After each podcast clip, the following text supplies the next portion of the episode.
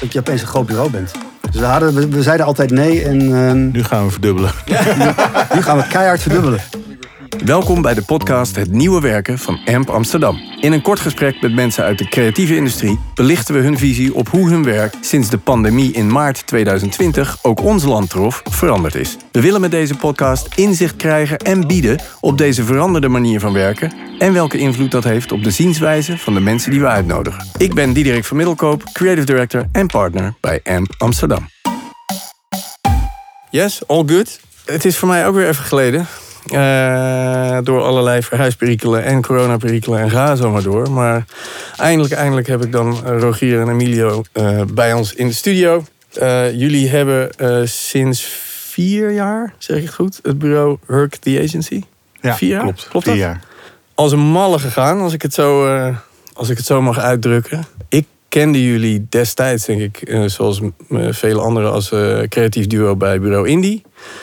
En daar hebben jullie heel fraai werk opgeleverd, wat ook veel mensen, eh, wat bij veel mensen denk ik in het oog sprong. En daarna hebben jullie dus die, die stap gemaakt. Ehm, ja, we zijn nu een beetje, hopen we, post het corona-tijdperk. Eh, om dat linkje nog even aan te houden. Wat is er in die twee jaar bij jullie zo een beetje gebeurd? Ja, groei. We, hebben, we zijn eigenlijk, ehm, vooral dit jaar, of het afgelopen jaar, zijn we heel erg gegroeid. En we hebben afscheid genomen van een van onze. eh, we, zijn, we hebben ooit Hurk zijn met z'n drieën begonnen. Mhm. Met Niels Heimens erbij. En ehm, die, eh, die eh, heeft op een gegeven moment besloten dat hij wilde gaan reizen. Ja. Op de meest handige tijd die er was. Toen je niet maar- kon reizen? Ja, maar die heeft zijn huis verkocht. Wij hebben hem uitgekocht. En ehm, toen, ja, hij zit nu in Bali. Oh, wow. En, eh, dus, eh, dus, maar goed, eh, we hebben ons aangesloten uiteindelijk als Hurk bij, bij de ACE-groep. Ja, En, dat was ook al vrij snel, toch? Dat dat gebeurde. Ja, ik weet niet, na, na drie jaar of zoiets. Ongeveer. Ja, daar Ja, zitten, we nu, dus- zitten we nu een jaar bij. Ja, vrij snel voor, een- voor een bureau dat net bestaat. En, eh, ehm, en vorig jaar hebben we heel erg ingezet op groei. Want we waren eigenlijk, eigenlijk waren we heel klein op een gegeven moment. Ehm, met best wel grote opdrachten, maar we werkten veel met freelancers samen. En, en op een gegeven moment hadden we zoiets van: ja, we willen toch onze eigen cultuur nu gaan laten groeien. En Ja. eh, ehm, dat, dat is het afgelopen jaar geweest. Dus eh, In, in mijn herinnering was G-Star eh, Uniform of the Free... was dat jullie grote eerste klapper van een campagne, zeg ik. Is dat, was dat een beetje zo? Ja, volgens mij, we, G-Star was denk ik ook de eerste klant. De parallel liep ook HP, wat dat ook Ja. klant werd. Ja, precies. Ja, maar ehm, voor G-Star, ja, daar, ehm, ja, dat was eigenlijk onze eerste klus en ook een, eh, ook een droomklus. Ja, want er ook niet, dat zou je niet verwachten van een... eh, jullie werden toen nog als start-up bureau betiteld. Dat zegt natuurlijk misschien ook iets over G-Star. Dat die eh, zeg maar het, het lef hebben om dan met, met jullie in zee te gaan. Ja, de, de- de- Jos, de eigenaar, die, die zei ook van... Volgens mij, het allereerste wat hij zei is van... Ik heb echt een... eh, eh, reclamebureaus hebben een slechte reputatie of zoiets. Was zijn binnenkomen. Ik weet niet meer precies hoe hij het zei. En toen zei jij... Maar dat heb jij ook. tegen, eh, dat zei Rogier tegen eh, Jos. En toen hadden we wel een klik. Maar hij, hij houdt van... Ja, onafhankelijke, kleinere bureaus. En Ja. Eerst bij ons en nu, nu ja, bij de family. Maar dat is wel wat hij, ehm, wat hij leuk vond. Ja. Ja. ja, ik kan me het ook wel voorstellen. Als je, zoals jullie zeggen, where advertising meets culture. En als je brand heat wil creëren, wat ik heel te gek vind, dat dat jullie eh, missie is, zeg maar. Dat je dan niet, vooral niet te groot en te log eh, kan zijn met al te veel regeltjes. Klopt dat? Nee, klopt. En wat we ehm, nog even aanvullend op wat, wat mooie was van G-Star is dat het ook. Kijk, wij waren zelf net onafhankelijk. Ehm, die campagne ging eigenlijk ook over onaf- onafhankelijkheid Ja, van Uniform of the Free. En ehm, ja, Jos is als ondernemer ook een, eh, ja, is ook een onafhankelijke geest. Die eh, echt zijn eigen imperium heeft opgebouwd. En dat matcht eigenlijk heel goed met het, eh, met het ja, moment met, met hoe wij erin zaten. Ja, jullie manifesto was eigenlijk niet zo ver af van wat jullie spiegelden voor, voor G-Star. Nee, klopt. Het, het, manifest ging eigenlijk over, over, over kleine koninkrijkjes. En um, we gebruiken het nummer ook nog wel eens wat we toen gemaakt hebben onder onze showreel. Omdat het um, eigenlijk niet alleen maar een manifest was voor G-Star, maar ook een manifest voor Hurk. Nee, dat heb je ook samen geschreven met Rhapsody uit Chicago, ja. toch? Heb je dat samen geschreven? Ja, ja belachelijk goede... Uh, het, doet, het was mijn, absoluut, heb ik je destijds verteld, het was mijn favoriete campagne van het jaar by, by far. En ik vond ook echt dat jullie uh, uh, de lat meteen ergens legden waar die misschien al lange tijd had mogen liggen. Ja, we schrokken zelf ook een beetje van, we wilden heel lang al een um, nummer van The Blaze gebruiken. Ja. En zij gingen net een nieuw album uitbrengen. En we konden een van die nieuwe nummers die nog niet uit waren, die konden we gebruiken. En toen hoorden we dit nummer, zeg maar, waar geen tekst op zat. En toen dachten we al van, ja, wat een fantastische track is dit. Ja, en toen, eh, nou, daar hadden we, hadden we zelf daar een manifest voor geschreven en een verhaal. Alleen toen, eh, nou ja, toen hebben we uiteindelijk ehm, ja, een aantal uh, spoken word artists hebben gecast. En een demo's laten maken. Ja. En toen kregen we die van haar binnen. En niet alleen de tekst was veel beter geworden, ook de hele delivery was zo ja, zo goed dat we echt kipvel kregen en echt een beetje stil waren van wat. Uh, dit is zoveel beter dan wat we uh, zelf hadden kunnen maken. Zij voegt zoveel toe. Haar hele timbre, haar hele ritme. Ja, het verschil in wezen tussen, tussen waar reclame art wordt. Gewoon. Ja. En, en uh, die authenticiteit, die had het en die heeft het. En ik heb het idee dat dat ook is waar jullie echt in excelleren je krijgt altijd een soort van een gek gevoel als je voelt dat iets enorm goed is. En dat gevoel, dat, dat jaag je altijd, altijd achterna. En soms lukt dat heel goed en soms niet. En als, het, als, je, het niet, als je het niet hebt, dan voelen we dat ook heel sterk. Dan denk we maar when you know, you know. Dat ja, maar als je het hebt, dan, eh, dan heb je het ook. Die authenticiteit, jullie, bedoel, hij zit al in jullie naam besloten, Hurk the Agency, uh, naar uh, natuurlijk de grondlegger van de hip-hop. Um, jullie hebben allebei een hele grote liefde voor hip-hop altijd gehad. Dat is, dat is duidelijk. Kun je misschien wat aangeven over hoe dat eh, in jullie ontwikkeling mee heeft gespeeld? Hoe dat jullie, misschien jullie creatieve proces of hoe jullie werken beïnvloedt? Nou, kijk, we, we waren allemaal de Hip-Hop Evolution aan het kijken, die serie op, op Netflix. Mm En um, kijk, hip-hop speelde sowieso al wel een rol, maar we vonden ook die serie te gek. Ja. En toen we een eigen bureau wilden beginnen, toen waren we ook heel erg bezig van ja, shit, we willen tegen die populaire cultuur aanschurken. We willen dat eigenlijk ook dat je dat in de naam al voelt. Ja. En we hadden met hip-hop heel erg het gevoel van ja, dat was altijd een beetje underground. Het is eigenlijk mainstream geworden en heel groot geworden. En dat, dat, dat, dat vonden we heel interessant. En toen dachten we van ja, zagen we ook, toen zagen we al, al, die namen kwamen ook voorbij in die serie. En, van, van, en toen dachten we ook van ja, moeten we niet, uh, zou het niet heel lomp, maar ook sterk zijn om gewoon de naam van de grondlegger te pakken. Ja. Dat is gewoon, dat is, en hip-hop gaat ook over het lenen van uh, alles wat je goed vindt. Precies. Ja. Het gaat ook over het gebruiken van dingen die je goed vindt. Het gaat ook over referenties. Sampling, ja. Het gaat over sampling. Ja, en, en het, het, het, verschillende stromen samenbrengen. En het gaat het mm. uiteindelijk over meer dan alleen uh, muziek of zo. Van uiteindelijk van nou ja, dans hoort erbij, uh, kleding, ja. design. Um, eigenlijk alle, alle, alle stromingen binnen hip-hop vonden we zelf te gek. En vonden we ook, um, denk ik ook, dat paste bij ons gewoon het samen, het mixen van uiteindelijk ook culture. Ja. En dat, ja, dat denk dat we dat het leukste vinden ook. Ja, we willen in ons vak ook een beetje alle dingen die wij zelf leuk vinden. Of dat nou design is, of fashion, of, of, of, of kunst, of uh, nu NFT's. Of we willen eigenlijk alles wat wij leuk vinden bij elkaar brengen. En dat is eigenlijk ja, wat, wat in hip-hop ook gewoon vaak gebeurt. En dat is zo'n. Um... Dus het is in die zin niet, niet alleen maar de hip-hop cultuur en waar hip-hop voor staat als cultuur, maar ook de manier van denken die daarbij hoort. Hoe je, hoe ja. je ja, zeker. maakt. Zeker. Uh, daar, daar, daar hebben we op, op zich van uh, nog best ook wel interessante uh, dingen. Want op een gegeven moment gingen we met, uh, met Furk werken voor, ja. voor Redline. En hebben we ook veel over hem gelezen, hoe hij dacht. En, uh, Kun je iets vertellen over hoe zo'n samenwerking tot stand komt? Ja, dat, dat is eigenlijk allemaal te danken aan één dame. Tekla Shaver. Die... Die heeft sowieso een grote rol mhm. gespeeld voor, voor, in, in het, uh, het Hurk bestaan. Mm -hmm. Eerst als vanuit G-Star, toen vanuit Axel heet het toch, die, die groep met fietsen. Ja. Um, daarna Tony's. Dus eigenlijk ja. uh, waar zij ging, waren wij. Um, maar uh, zij kende hem via Pharrell. En ze eh, werkte. eh, Redline was eigenlijk een van de merken waar zij voor werkte. En uh, Aesop Furk bleek een groot liefhebber te zijn van dat merk. En, zijn eh, eerste fiets ooit was een Redline. Ja, zijn eerste Oh, fiets. En, en, en hij, en hij reed ook nog echt gewoon, eh, wat, zoals ze het noemen, een rider. Was hij ook nog Precies, steeds echt. ja. Dus eh, wat wij heel grappig vonden. Van, maar het is ook echt een hele andere cultuur dan hier in Nederland. Want daar, wij, wij vonden het in eerste vonden het heel, heel grappig. Volwassen mannen op fietsjes. Ja. Op een soort van, eh, Ja. dat we ook echt, echt dachten van, ja oké. Ik bedoel, van skaten weet je het wel of zo. Mhm. Of, of, of, of andere vormen van... Maar ja, BMX rijden zoals wij het eerst noemden. Precies. Dat, dat kennen we eigenlijk nog niet, niet Nee. zo heel erg. En, maar dan ben je daar ook in, in Haarlem en dan zie je daar die, ja, die groepen gasten en jongens rijden. En dan denk je van, oh ja, het is echt... eh, Ja. het is echt. En, maar met hem ook wel over gehad van hoe hij, hoe hij dan zag hoe verschillende dingen bij elkaar kwamen. En ja, wel, wel heel interessant hoe die over, uiteindelijk ook in het project over de, de, de, de fashion dacht. Hoe die over de fiets dacht. Hoe die over de muziek dacht. Hoe die over de clip dacht. Hoe, gewoon hoe die alles eigenlijk als, ja, alles bij elkaar bracht ook. En, Ja, eh, als op, eh, op het moment dat het zo authentiek is, Ja. dan hoef je het natuurlijk ook niet meer te verzinnen. Nee. Want dan is het er eigenlijk al. Ja, en, ja, en het leuke wel van hij geloofde er zelf ook zo erg in.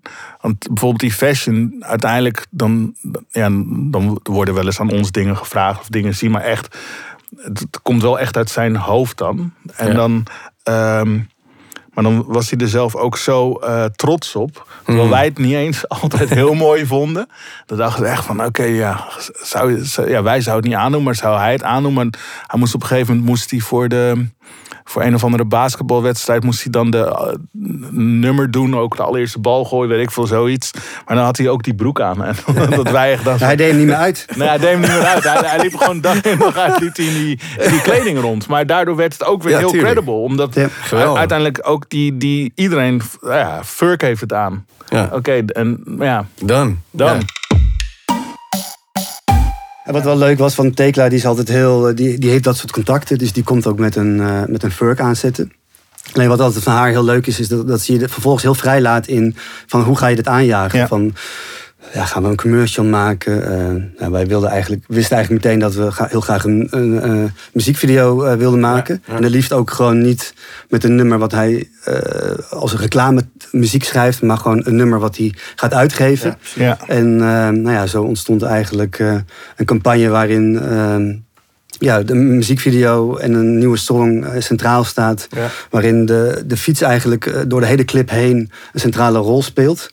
En waarin eh, de merch al eh, gedragen wordt. En waarin ja. ehm, ja, het eigenlijk een, eh, ja, bijna een holistische campagne is geworden. Ja. Ja, en, en het gekke is van de, de, eigenlijk de fiets waar het om ging, is zoveel in beeld. Maar als je dat in een commercial doet, dan schaam je je bijna. Ja, Want dan denk je echt van, oké, zoveel product. Ja, maar wordt het eh bike porn. Ja. en, en dan, dan denk je van ja, maar omdat het geen commercial was, maar omdat het ook zo, ja, ik denk wel authentiek voelde, dan, dan, dan klopt het ook. Ja. Ja. Ja, die authenticiteit, dat, daar, daar zit bij jullie denk ik echt wel een, een kern van eh, Ja, en voor wat- alles wat jullie doen. Zeker. Ja. En wat we in dit geval ook heel leuk vonden, is van wij halen dan een Frans productiehuis erbij. Ja. Daar zit, dan zit, en opeens sta je in Haarlem te draaien met een Frans productiehuis, een Amsterdams reclamebureau, een, eh, een ja, rapper uit Haarlem. Opeens, op, opeens komt daar alles samen wat wij eigenlijk allemaal bij elkaar hebben gebracht. En dan ontstaat er iets van ja, wat, wat eigenlijk weer, weer op zijn eigen manier bijzonder is. Hebben jullie dan met z'n tweeën, als je daar staat in Harlem, ook even momentjes waar je elkaar even knijpt en zegt van eh, dit zijn we even aan het doen hier, hè? Dat, zouden we, dat hebben we wel, maar dat zouden we ook wel vaker, eh, vaker mogen doen. Ja. Maar we hadden, we één moment dat, ze, dat we met z'n tweeën op zo'n fietsje stapten. En dat we even door de wijk heen gingen rijden. En dat, toen voelden we ons heel, heel erg misplaatst, maar ook heel erg thuis. Want we Ja. waren precies aan het doen wat we, Ja. wat we eigenlijk het liefst doen. Ja. Te gek. Ja, echt Ja. geweldig. Ja, en het leuke was dat Valentin Petit, de regisseur, was uiteindelijk ook een rider. Dus, en het grappige was, van die, we hadden zo'n hele crew hadden we vanuit Haarlem. Die kennen hem dan weer van Instagram. Dus Oh, we kwamen op een hele grappige manier allemaal dan... Nou eh, ja, it's culture. Ja, bij dat, elkaar, Dat, ja. dat bloedt alleen aan elkaar door en dat hoef jij er niet op te plakken. Nee, nee, op een gegeven moment... eh, we hebben uiteindelijk drie dagen gedraaid. En de laatste dag zijn wij er niet eens bij geweest. Want toen gingen ze allemaal fietsdingen doen. Volgens mij is niet eens verteld dat ze gingen draaien. Ja, wel zat het nou, nog, nog net. Maar uh, inderdaad, ja. Maar wat en dat soort dingen, geen idee. Ze, ze gingen gewoon draaien. En, uh, ja. ja, soms vragen we ons ook wel af van wat... Um, want kijk, je, zo'n muziekvideo heeft vaak als, als verhaallijn een vrij, een vrij makkelijk verhaaltje. Dat is eigenlijk gewoon, je volgt iemand dag en nacht op een fiets. Ja. En dan denk je van, ja, is dat nou zo bijzonder wat wij dan doen? Maar op een gegeven moment als je daar dan naar kijkt... en je ziet al die mensen die bij elkaar zijn gekomen. Dus, dus zo'n regisseur, zo'n rapper, die kleding. Dan denk je van, ja, we zijn eigenlijk een soort van uh, orkestleiders... die alles, uh, die alles samenbrengen. Ja, en, daar, en daar ontstaat dan iets... Uh, ja, iets je, heel je, unieks je, uit. moet, uh, je moet de omstandigheden moet je, uh, scheppen. En je moet het ook ten dele helemaal zichzelf Ja, laten zijn. en kneden. Ja. En dan een soort van waar we ook wel handig in zijn, is dat je, kijk, als je alleen een muziekvideo maakt, dan, uh, ja, dan wordt het misschien veel of niet veel bekeken. Maar je moet eigenlijk ook een heel plan omheen bedenken. Ja, en dat hele, die hele structuur van, van PR, van hoe verweef je het merk, hoe, hoe, hoe leg je het eigenlijk in de maatschappij, dat is wel iets wat, Ja, we, nee, bij- wat, wat we kunnen. Ja, dat, dat kunnen we heel erg onderschrijven. Dus met Amp Amsterdam ook altijd. We, we werken graag met jonge artiesten en willen graag dat dat buiten de commercial leeft. Dus dat het echt een. eh it's gotta be part of culture. Want anders heb je het eigenlijk niet goed gedaan. Maar dan heb ik dan nog een vraagje. Eh, omdat hip-hop ook heel erg gemeengoed en heel erg mainstream is geworden. Op heel veel manieren. Hè. De, de, niche die het ooit was, is het natuurlijk al lang niet meer. Eh, dat brengt, dat zie je in veel muziek die mainstream wordt, ook vaak met zich mee dat het wat meer formulaic wordt. Dat men meer en meer hetzelfde gaat doen. Dat iedereen dezelfde autotuner en dezelfde beats en dit en dat. Want je moet hits scoren nu. Zit daar ook een, eh, een, een enig verlies in individualiteit, in creativiteit? Nemen jullie zoiets waar in de hip-hopcultuur of helemaal niet? Nou, niet, ik weet niet eens of het per se in de hip-hopcultuur is, maar wel in de reclamecultuur. Want we merkten van, kijk, met Tele 2 hadden we best wel vaak een soort heel erg poppy-achtige Mhm. hip-hop. Mhm. En ehm, op een gegeven moment merkten we ook van, ja, nu horen we dat echt overal. Ja. En we zien het overal. Ja. We zien het, je kijkt een tv-blok en je ziet alleen maar een soort van mini-muziekvideootjes. En, eh, en ja, dus de, de, de, er zit wel een soort sleetsheid in. In de, de manier precies. hoe reclame toepast. Ik denk niet. Kijk, in de hip-hop zelf is denk ik is genoeg vernieuwing. En dat, dat is als stroming nog heel interessant. Maar Ja. hoe, hoe, hoe reclamebureaus en van lenen, dat, dat wordt wel sleets. Ja, precies.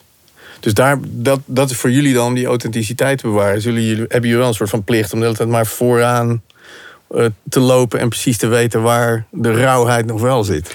Ja, Ja. maar ik weet, ik weet nog niet eens of dat per se zit in alleen maar in hip-hop muziek of zo. Want ik, ik heb het idee dat wij daar zelf al een beetje klaar mee zijn. Oké. Ehm, natuurlijk, al, al- al- als er interessante samenwerkingen zijn, of met artiesten of met muzikanten die, eh, ehm, waar, we, waar we iets mee zouden kunnen doen, dan, dan is het heel leuk. Ja. Eh, en denk ik, ja, dan, dan, ja, dan vinden we dat ook nog goed om te doen. Maar het is niet dat dat ons einddoel per se is. Ik denk dat juist omdat er zoveel. ehm ja, je ziet het nu bijna overal. Dan zie je in één keer een zanger of een artiest die een liedje zingt voor een merk. En dan, ja, wij vinden het zelf heel saai geworden. Mhm. Maar we hebben het een paar jaar geleden, ja, van, wat van, ik denk met we het ook al. Met, Mhm. eh, hebben we al een keer met Ronnie Flex ook een, een interactieve videoclip gemaakt waar een hele campagne omheen zat. Ehm, en daarna natuurlijk bij Tele2 met, met, met hem en eh, de artiest die zijn naam niet meer mogen noemen. Ja. Eh, maar ook met eh, de jeugd hebben we dingen gedaan. En ehm, ja, dus dat. eh, ja, ergens voelt het nu zo'n platgetreden pad dat, we, Mm. dat onze interesse daar ook niet helemaal meer ligt. Maar wat nu dan? Ja, kijk, we hadden eerst nog dachten we van oké, we kunnen binnen, want we doen nog een treedje hoger. Dus we hebben bijvoorbeeld Ja. ooit van Joe Bird campagne gingen we eh, met de producer van Furk gingen we werken. Die En nu Rocky. net ehm, ja, met Rocky en eh, die, die producer van Furk, die heeft Tweak Tune, die heeft nu ook eh, met, met Kanye eh, City of God een, een, een mega hit. Ja. Dus een soort van ook dachten we van nou, gaan we binnen dat genre de allerbeste vragen. Mhm. En nu denken we eigenlijk van ja, we zijn eigenlijk wel überhaupt met het hele genre een beetje klaar. Eh, misschien moeten we hele klassieke muziek gaan gebruiken. Of misschien moeten we juist heel iets lievers gaan doen. Of, Nou ja, Dus ik kan me ook voorstellen dat jullie die sleetsheid, waar je natuurlijk voor moet oppassen, is dat het jullie zelf op de een of andere manier treft. Los van het feit dat je van een tweemans creatief duo naar. eh je hebben nu ineens een bedrijf met 25 mensen. Dus je hebt misschien ook wat minder tijd om je volledig te storten in, in, in die cultuur. Is dat, is, dat- staat dat een beetje op, eh, op moeilijke voet met elkaar? Ja, in, zoverre dat ik denk van. Kijk, voor ons culture is niet alleen hip-hop culture. Nee. culture kan, het kan ook skate culture zijn. Ja. Of eh, ja, eigenlijk alles wat zich in populaire cultuur afspeelt. En eh, met het groeien van Hurk uiteindelijk. En met ook binnenhalen van andere eh creatieven. Vinden we daar ergens die verbredingen ook wel heel interessant. Tuurlijk. Bijvoorbeeld een van onze eh, eh, art directors. Die heeft een eigen skate label. Modern Sperm.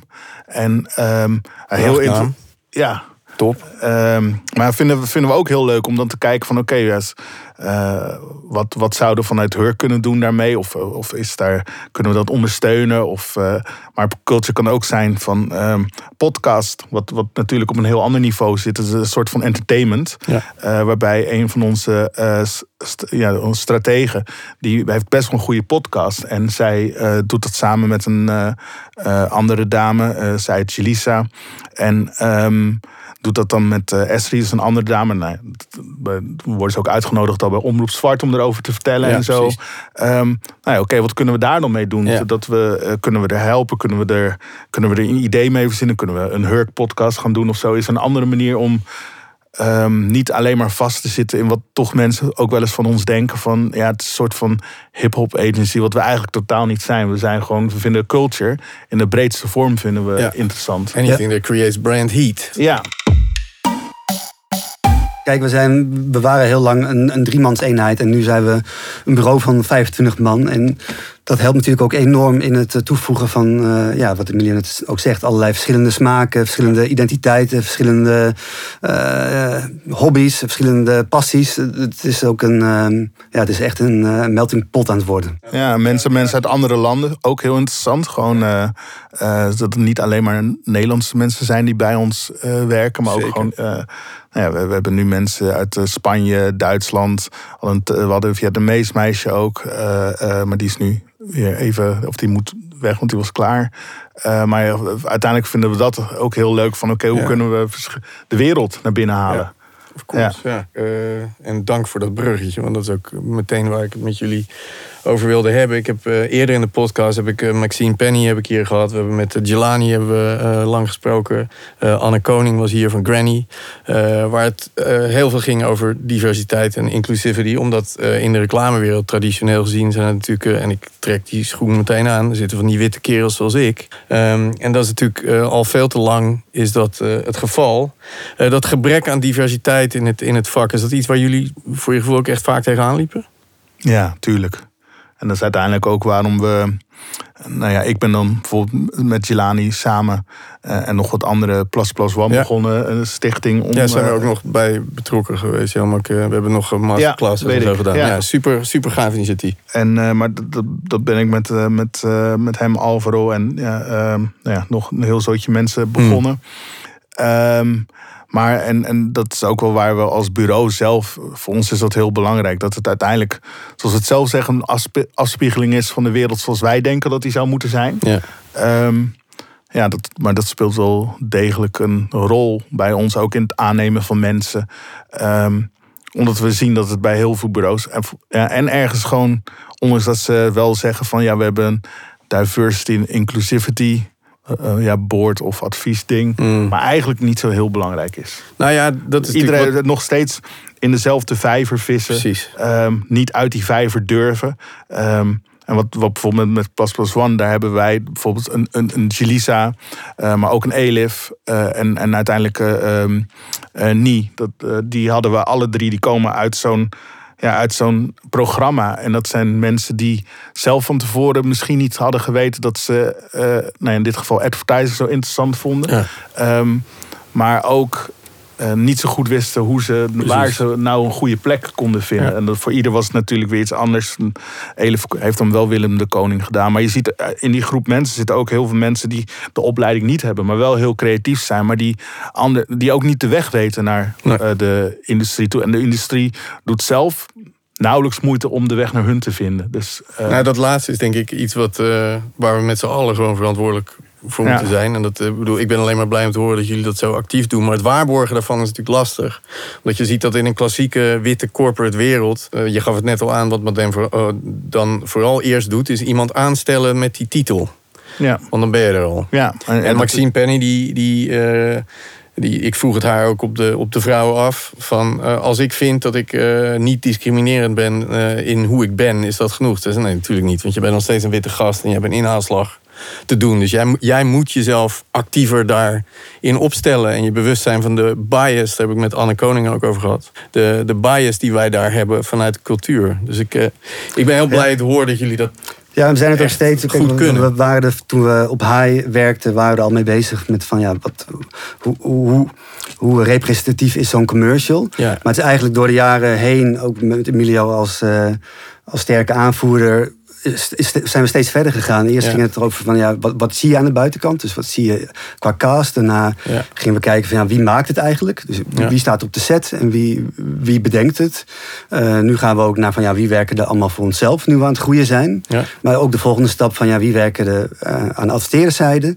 Ehm, hoe kun je die mensen opleiden? Hoe ehm, kun je ook al leid je mensen op die bij andere reclamebureaus gaan werken? Is eigenlijk ook goed. Nu, nu gaat het eigenlijk, ja, we gaan gewoon kijken hoe ver onze, ja, onze rijkwijde is. Ja, ja, klopt. En daar even op inhakend. Want ook toen we naar Ace gingen, toen, toen, toen we daar naar keken, toen dacht ik van... Fuck, Ace is eigenlijk de advertisingwereld in het klein. Hele witte, door mannen gedomineerde eh, bureaus en qua structuur. Ehm, en daar, daar hebben we ook eigenlijk in de eerste gesprekken die we met Rogier IJzermans dan hadden, hebben we het daar ook over gehad. Van ja, eh, aan de ene kant heel interessant, aan de andere kant voelen we ook niet gelijk helemaal thuis of zo. Nee, precies. Dus wat kunnen we dan doen om dat eh, eh, te veranderen, ook vanuit de groep zelf? En nou, en daar is dan nu eh, een, een bureau eigenlijk, is dat een soort van doorontwikkeld Plus Plus One. Maar wel op een gegeven moment dacht ik van ja, ehm, dat- wat je bij Plus Plus One ziet, is dat heel veel jongeren eh, doen het erbij. Ja. Waardoor ze niet genoeg eh, focus hebben. Maar wat als ze nou eh, dit zouden kunnen doen in een bureaustructuur waarbij ze wel gewoon inkomen krijgen. Ja. Ehm, en ehm, ja, dat ze na een jaar door kunnen stromen. Of binnen, het liefst binnen de ACE-groep. Maar als ze naar een ander bureau gaan of op een, naar een adverteerder gaan, is het ook goed. Ja. Ehm, en dat uiteindelijk ehm, Angelo Bromet bijgehaald. En, eh, eh, Die zijn, die niet net een nieuw bureau ook begonnen? ja, dat is Amaru. En, Ja, en, en eh, Leroy Niemel bijgehaald. Ja. En ehm, ja, samen met Amber Haank en dan nog wat mensen zijn we gewoon op een gegeven moment een groep. En dat is nu een bureau waar ze eigenlijk ehm, binnen ACE eigenlijk een soort van ja, het plus plus one binnen ACE Precies. eh, gaan doen. En daar, daar, daar, daar werken wij ook nauw mee samen om wel kwaliteit te kunnen waarborgen en Ja. zo. Maar wel heel, heel interessant. En dat is wel wat ik bijvoorbeeld van niet per se namen wil noemen, maar bij, laten we zeggen, bij 90% van de agencies in, in Amsterdam, ook al zeggen ze, ook misschien zelfs hier, van dat ze er eh, eh, wel echt iets aan doen. Ik geloof het gewoon niet. Nee. Ik geloof het oprecht niet. Dat snap ik.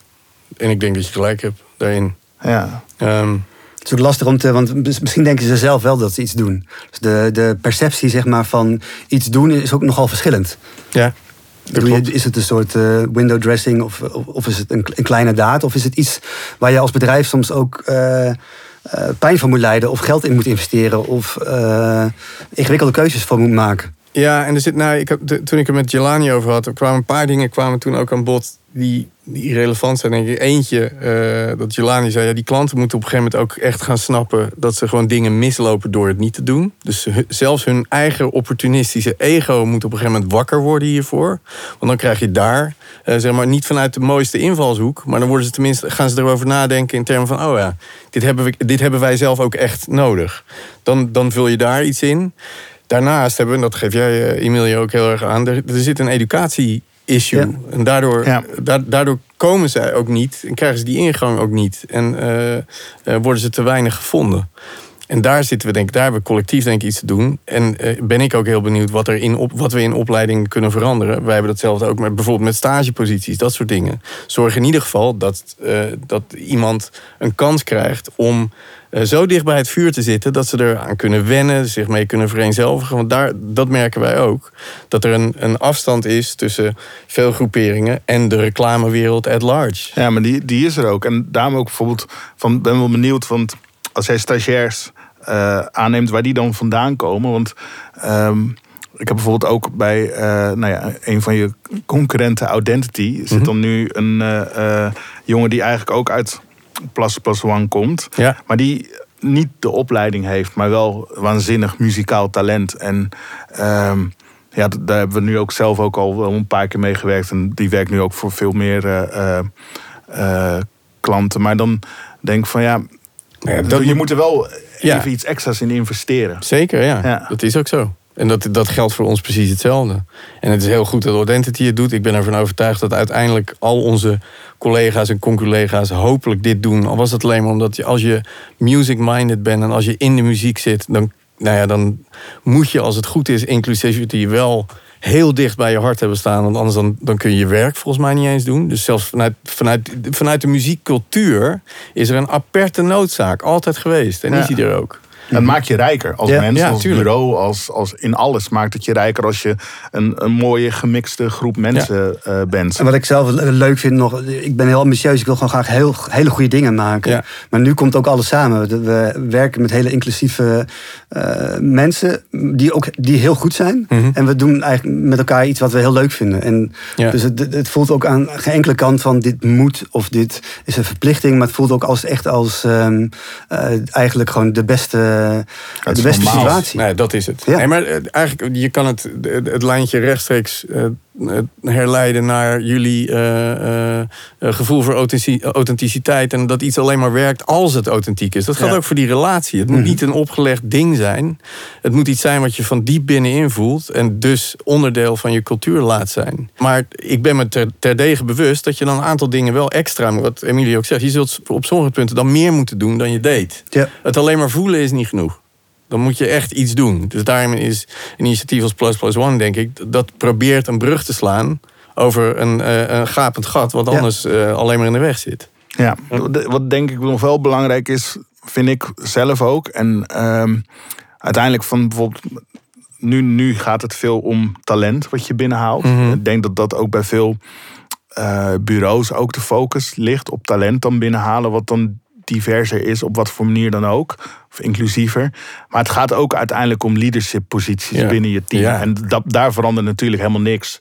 Want eh, eh, dan zou je namelijk of mensen moeten, eh, zou moeten zeggen, nou pak mijn functie maar. Of ehm, eh, je, moet, je moet in één keer je MT of je leadership team moet je gaan verbreden. En, eh, maar dat, dat vind ik ook nog wel belangrijk. Van Ja. oké, zorg dan dat, ze, dat, men, dat, je, dat je daar ook gewoon echt mee bezig bent. Want anders blijft het nog steeds een beetje, eh, ja, voor mij window dressing. Ja, nee, En, en, en het gaat uiteindelijk ook om, ehm, denk ik, van hey, je moet uiteindelijk ook een inclusieve cultuur van je bedrijf weten te maken. ja, ja, en dat En begint dat- en eindigt bij leadership in, in eerste instantie. Ja, en, en dan moet je, en dan heb je ook binnen het leadership mensen nodig die uiteindelijk snappen waar ze het over hebben. Ja. Dus van hoe is het om ehm, nou ja, andere gewoontes te hebben of andere culturele achtergrond. Hoe Ja. eh, in plaats van dat je, eh, nou, het zit hem in eten, het zit hem in eh, geloof, het zit hem in. ja, Hoe, hoe geef je dan een plek uiteindelijk in een, in een agency? ja. We hebben het wel eens over de post-advertising era. Ehm, alles wat er zeg maar eh, na de traditionele advertising allemaal aan de hand is. Wat is het voor jullie? Ehm, ja, dat is, dat is een grote vraag. Kijk, wat wij. We, we hebben altijd al de brug willen bouwen tussen merk en populaire cultuur. Ja? En de eerste stap daarin is, is de reclame die je maakt iets meer op de populaire cultuur laten lijken. Ja. De volgende stap is, en die zijn we natuurlijk ook aan het doen al, is, is, is gewoon eigenlijk merken in die wereld brengen. Mhm. dat, is, dat is bijvoorbeeld het, het project wat we inderdaad met Tele2 eh, en Little Kleine en Ronnie Flex deden. Ja. Dat is wat we met ASAP Ferg en Redline hebben gedaan. En dat is wel iets wat we, Flex en high. ja, wat we eigenlijk het allerleukst vinden Ja. omdat dat gewoon, ja, je valt dan mensen niet meer lastig. Je, je maakt iets wat mensen graag willen zien. Je geeft een merk op een natuurlijke plek. eh, of een- op een natuurlijke rol, een natuurlijke plek. En dat is wel, eh, nee, dat is iets waar we nu veel meer op gaan inzetten ook. Ja, en het zit hem niet alleen op muziek, maar het zit hem ook bijvoorbeeld op eh, nou, hoe, zou je een serie kunnen maken? eh, wel vanuit een merkgedachte, maar die Mm. voor mensen zo spannend is dat ze hem wel gaan eh, streamen op een Netflix of Ja. op een nou ja, HBO of Videoland. En, ehm, eh, maar dat het wel, dat, ja, dat ergens moet je er dan ook weer advertising van kunnen Ja. maken. Ja. Ehm, En het kan. Ik bedoel, er zijn voorbeelden geweest. eh, Ja, er zijn hele slechte voorbeelden ook geweest. Maar ja, ook, maar ook hele goede. Ja. En, maar, maar gewoon van, nou, of, of, een- of document, eh, documentaires of uiteindelijk gewoon, ja, film. Film is ook een, een grote eh, passie van ons. En Ja. ik denk van Rogier nog net iets meer dan van mij. Maar dan, ja, dat is, dat is wel een droom om uiteindelijk gewoon zulke... ja, ook weer authentieke eh, content te kunnen maken eh, in, in de vorm van een serie of een film. Dat mensen hem echt willen Ja. consumeren. Ja. En het ook helemaal niet erg vinden dat er eigenlijk een merk achter zit. Precies. Ja. Je hebt de vraag al beantwoord voordat ik hem stelde. Van hoe kijken jullie bijvoorbeeld naar die enorme eh, streaming culture die er intussen is. Er worden strekkende meters film en series worden geconsumeerd. En dat is eh, nog steeds heel erg aan. En dat is dus culture. Ja, en dat is ook, dat is heel leuk. We, we, zijn, we zijn zelf ook nu bezig met een klant om een, eh, om een serie aan te- maken voor een streamer. Cool. En Dat is, dat, is, dat is te gek. Ja. Wat nog even wennen is, is dat, het, ehm, ja, dat je klanten denken toch vaak korte termijn. Ja, Gewoon omdat eh, een kalender zo is. En nu moet je toch een jaar vooruit plannen.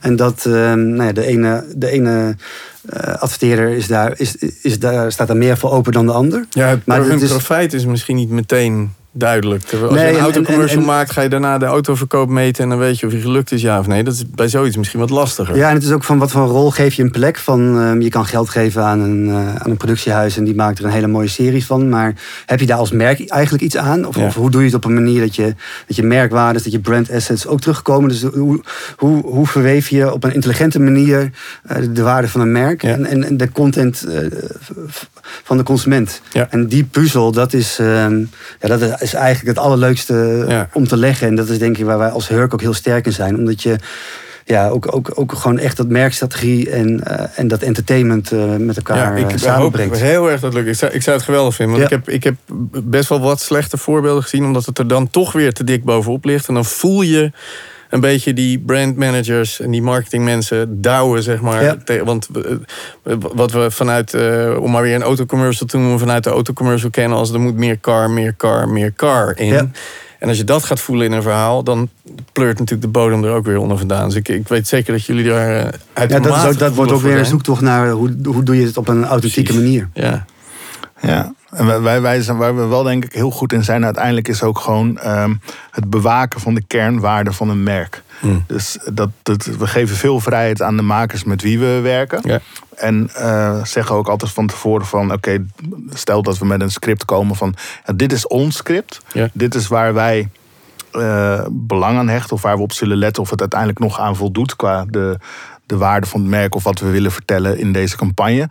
En voor de rest mag je alles veranderen. En ook niet elke regisseur vindt dat leuk of die denkt echt van huh, maar, Ja, als, ja, ja. maar wat geef je me dan? Ja. En we zijn ook wel eens te sumier geweest in wat we dan gaven. Dat we zoiets hadden van ja, hier heb je eh, tien regels en dit is ons script. En eh, dat ze zeiden, maar dan moet ik alles doen. Dus, ja, maar oké, dus dan geef je te weinig. precies. Ehm, dus, dus dat was, was ook even zoeken. Maar ik, ik denk wel dat we. ehm, dat, dat vinden we zelf ook heel leuk. Om dan veel vrijheid te geven. En wel in de gaten te houden. Van Mm. oké, gaat het nog werken? Uiteindelijk voor een, eh, eh, een merk. Want het gaat er niet eens. Tuurlijk, we, willen, we weten zelf wat we willen maken. Maar we willen ook wel dat het werkt. Want anders Ja, zouden we ons werk uiteindelijk niet goed doen. Te gek. En ik hoop dat het eh, allemaal alleen maar gaat blijven lukken voor jullie. Volgens mij zitten jullie op een, op een geweldig pad. Worden jullie nog twee keer zo groot in de komende tijd? Of is dat niet per se het doel? Nou, kijk, we wilden op zich niet. ehm, kijk, we hebben gemerkt van we dachten altijd van we, hoeven- we willen, willen niet zo groot worden en we willen niet zo hard groeien. ehm, omdat we willen bewaken wat we hebben. Maar we merken ook wel ehm, dat je een bepaalde schaal nodig hebt Ja. om impact te kunnen maken. Ja. We merken wel als je met scriptschrijvers wilt maken, als je, als je ook eh, TikTok-content wil maken, als je een speelfilm wil maken, als je en een, een klassieke merkcampagne wil maken, als je al die, die dingen wil, dan heb je ook, ook, ook veel talenten nodig. En die kun je, die kun je freelance inhuren, maar ja, dan kan, kan het ook zijn dat ze al geboekt zijn. Dus je wil eigenlijk ook, je wil het ook binnenshuis halen. Ja. En voordat je het weet, kom je dan toch op een schaal dat je opeens, eh, dat je opeens een groot bureau bent. Dus we, hadden, we, we zeiden altijd nee en ehm, Nu gaan we verdubbelen. nu gaan we keihard verdubbelen. Nee, maar, maar het- het- het- ik denk ook wel dat het moet. Ook als je kijkt naar. Ik bedoel, te groot willen we ook niet worden, denk ik. Dat zeg ik nu. Maar we hebben ook wel internationale ambities. En je merkt het ook aan de merken voor wie we werken. Zijn vaak nu nog. eh, Nederlandse merken die ook, uh, ja, we, eigenlijk heel veel van de dingen die we maken zijn al internationaal, of in ieder geval Europees. En sommige dingen zijn ook global. Tony Chocolonely is, uh, is global. Um, in principe werken we ook voor Bols. Dat is ook uh, global en andere merken. Ja, HP is global en andere merken waar we dingen voor doen. Dat is dan veel voor de Europese markt, Nordics veel. Ja. Um, dus als Aquasi ooit in het uh, Denemarken op tv zit, moet je niet verrast zijn. Maar uh, um, we, we, we, hebben ook wel een ambitie dat we het zouden, dat we willen dat internationale merken naar ons komen. Ja. Um, nou ja, dat, gebeurt al langzaam. Meatless Farm is, is, is uiteindelijk bij ons terechtgekomen. We zijn nog met andere merken bezig. Dus er zit ook wel een ambitie daar zit de ambitie in. En dan merk je, dan heb je iets meer schaalgrootte nodig om die te kunnen ja, aan te kunnen eigenlijk. Om die te, goed te kunnen servicen. Want die zijn hele andere uh, structuren. En Precies. Uh, sommige van die klanten die zijn een accountteam gewend dat net zo groot is als ons hele bureau. Precies. Dus dan, uh, ja, dan. Nou ja, dat, sommige klanten zul je om die reden niet per se willen hebben. nee, maar... sommige zou je wel willen hebben. Ben, ben je dan nog niet helemaal klaar voor. Precies. Alleen dat, is, ja. dat, dat vinden wij allebei, of tenminste ik sowieso vind dat dan echt een heel frustrerend gevoel. Dat ik denk van shit, dan staan ze aan de deur te kloppen. Ja. En dan uh, gaat het niet werken omdat we te klein zijn of zo nog. Ja. Dat, is wel, dat is trouwens wel echt het leuke van uh, ook werken met ACE. Is dat er, uh, er zit heel veel ondernemerslef uh, in, die, in die groep. Ah, vet, dus op het moment dat wij, dat wij voelen van ja, hier, hier dit gaat heel erg goed en hier moet wat gas bij. Dan zijn zij ook de eerste die ons uh, ik denk dat dat daarbij zullen helpen. Is. Jullie moeten dat vertrouwen krijgen en dat podium. Want ik, ik bedoel, wat ik zo ook proef van je, het gaat niet zozeer om het. Mijn vraag is in die zin de verkeerde: van willen jullie twee keer zo groot worden? Nou, daar gaat het niet om. Maar jullie willen de impact uh, ja. creëren die, uh, waarvan je voelt dat die er is. Ja, en we, zijn ook, en, en, we zijn ook wel van, kijk, we, hadden, wij hebben best een, een duidelijk uitgesproken uh, profiel als creatief. Ja. Maar we willen ook dat Hurk veel meer is dan dat. Ja. En uh, daar heb je ook gewoon echt verschillende mensen en, uh, voor nodig. Die ook verschillende smaken inbrengen, die verschillende geluiden voortbrengen. En schaal is eigenlijk ook wel, is eigenlijk gewoon ook een soort van creatieve noodzaak geworden. Ja. Nou ja, en die wereld, alles van de wereld in jullie wereld hebben, dat betekent dat je groot genoeg moet zijn om het onder te kunnen brengen. Ja. We merken ook, we hebben nu een, een nieuwe klant en die, die, die zit dan heel erg op gaming. Nou, wij twee weten relatief weinig van gaming. Maar dan oh, ho, een, oh, ik game nog steeds. Oké, Emilio uh, probeert het nog wel. ja, en niet dat ik goed ben, maar nee, ja, nee. Uh, en, vinden we een hele interessante wereld, sowieso. Ja, zeker. Maar dan merk je ook van, ja, dat is ook fijn om dan wat gamers in, in dienst te Tuurlijk. hebben. Die gewoon die cultuur precies kennen en precies voelen. En dat is, uh, nou ja, dat, dat, is, dat is heel leuk om te zien dat die ontwikkeling nu gaande is. Dus als je binnenkort door Amsterdam twee middelbare een man op middelbare leeftijd met een uh, Oculus op een hoofd rond zien lopen, dan zijn ja. Rogier en ik het. Ja. Om een beetje bij te blijven. Gasten, uh, dank voor jullie tijd vandaag. Ik weet dat jullie het hartstikke druk hebben. Ik ben uh, zwaar fan van alles wat jullie doen. En ik, ik vond het heel leuk om jullie even gesproken te hebben. Dankjewel. Dankjewel. Dankjewel voor het luisteren naar de podcast Het Nieuwe Werken van AMP Amsterdam. Graag tot de volgende.